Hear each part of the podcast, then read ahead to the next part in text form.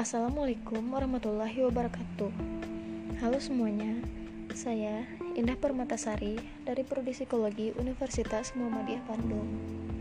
Nah, kali ini saya akan membahas tentang emosi. Baik, langsung saja kita mulai ya. Apa sih emosi itu? Emosi adalah suatu kompleks keadaan dari kewaspadaan yang meliputi sensasi dan ekspresi yang merupakan kekuatan untuk memotivasi individu dalam bertindak. Emosi memang sulit didefinisikan, akan tetapi dapat diungkap bahwa emosi selalu berkaitan dengan perasaan, perilaku, perubahan fisiologis, dan kognisi. Fungsi utama emosi adalah untuk memberi informasi kepada individu mengenai interaksinya dengan dunia luar. Nah, selanjutnya yaitu komponen emosi. Komponen emosi sendiri dibagi menjadi empat, yaitu yang pertama, bangkitan atau getaran fisiologis emosi melibatkan kerja otak, sistem saraf, dan hormon, sehingga ketika individu dibangkitkan emosinya, maka secara fisiologis juga terbangkit. Terbangkitnya emosi membutuhkan energi dalam tubuh dan bahkan menurunkan ketahanan tubuh terhadap penyakit. Yang kedua, perasaan subjektif emosi melibatkan kewaspadaan subjektif atau perasaan yang memiliki elemen menyenangkan atau tidak menyenangkan, suka maupun tidak suka. Yang ketiga, proses kognitif. Emosi juga melibatkan proses kognitif seperti memori, persepsi, ekspektasi, dan interpretasi. Yang keempat yaitu reaksi perilaku. Reaksi perilaku yang terlibat dalam emosi dapat berbentuk ekspresif dan instrumental. Contoh reaksi ekspresif yaitu ekspresi wajah, gestur, nada suara. Sedangkan contoh reaksi instrumental yaitu menangis karena stres dan melarikan diri dari masalah. Selanjutnya, proses dalam mengalami emosi. Ada tiga tahap yang terjadi di dalam proses individu mengalami emosi, yaitu yang pertama, sensasi tubuh.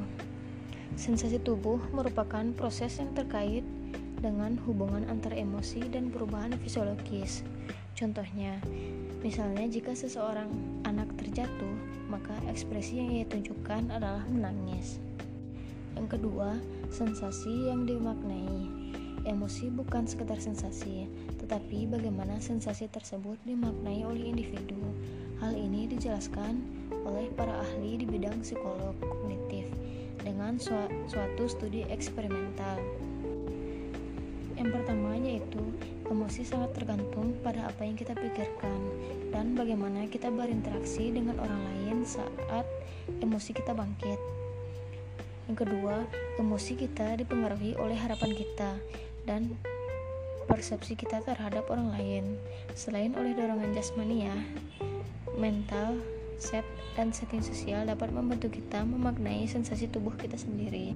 Yang ketiga, belajar memainkan suatu peran penting di mana kita benar-benar dapat merasakannya dan memberikan implikasi yang besar dalam pengaturan emosi kita. Nah, selanjutnya, tahapan yang terakhir yaitu respon-respon adaptif. Menurut Arnold, Penilaian terhadap baik dan buruknya suatu stimulus memberikan petunjuk bagi respon kita selanjutnya. Misalnya, respon melawan atau menghindar. Emosi yang muncul adalah marah atau takut. Fungsi adaptif yang lain dari emosi yaitu memperkuat ikatan antara individu dengan kelompoknya.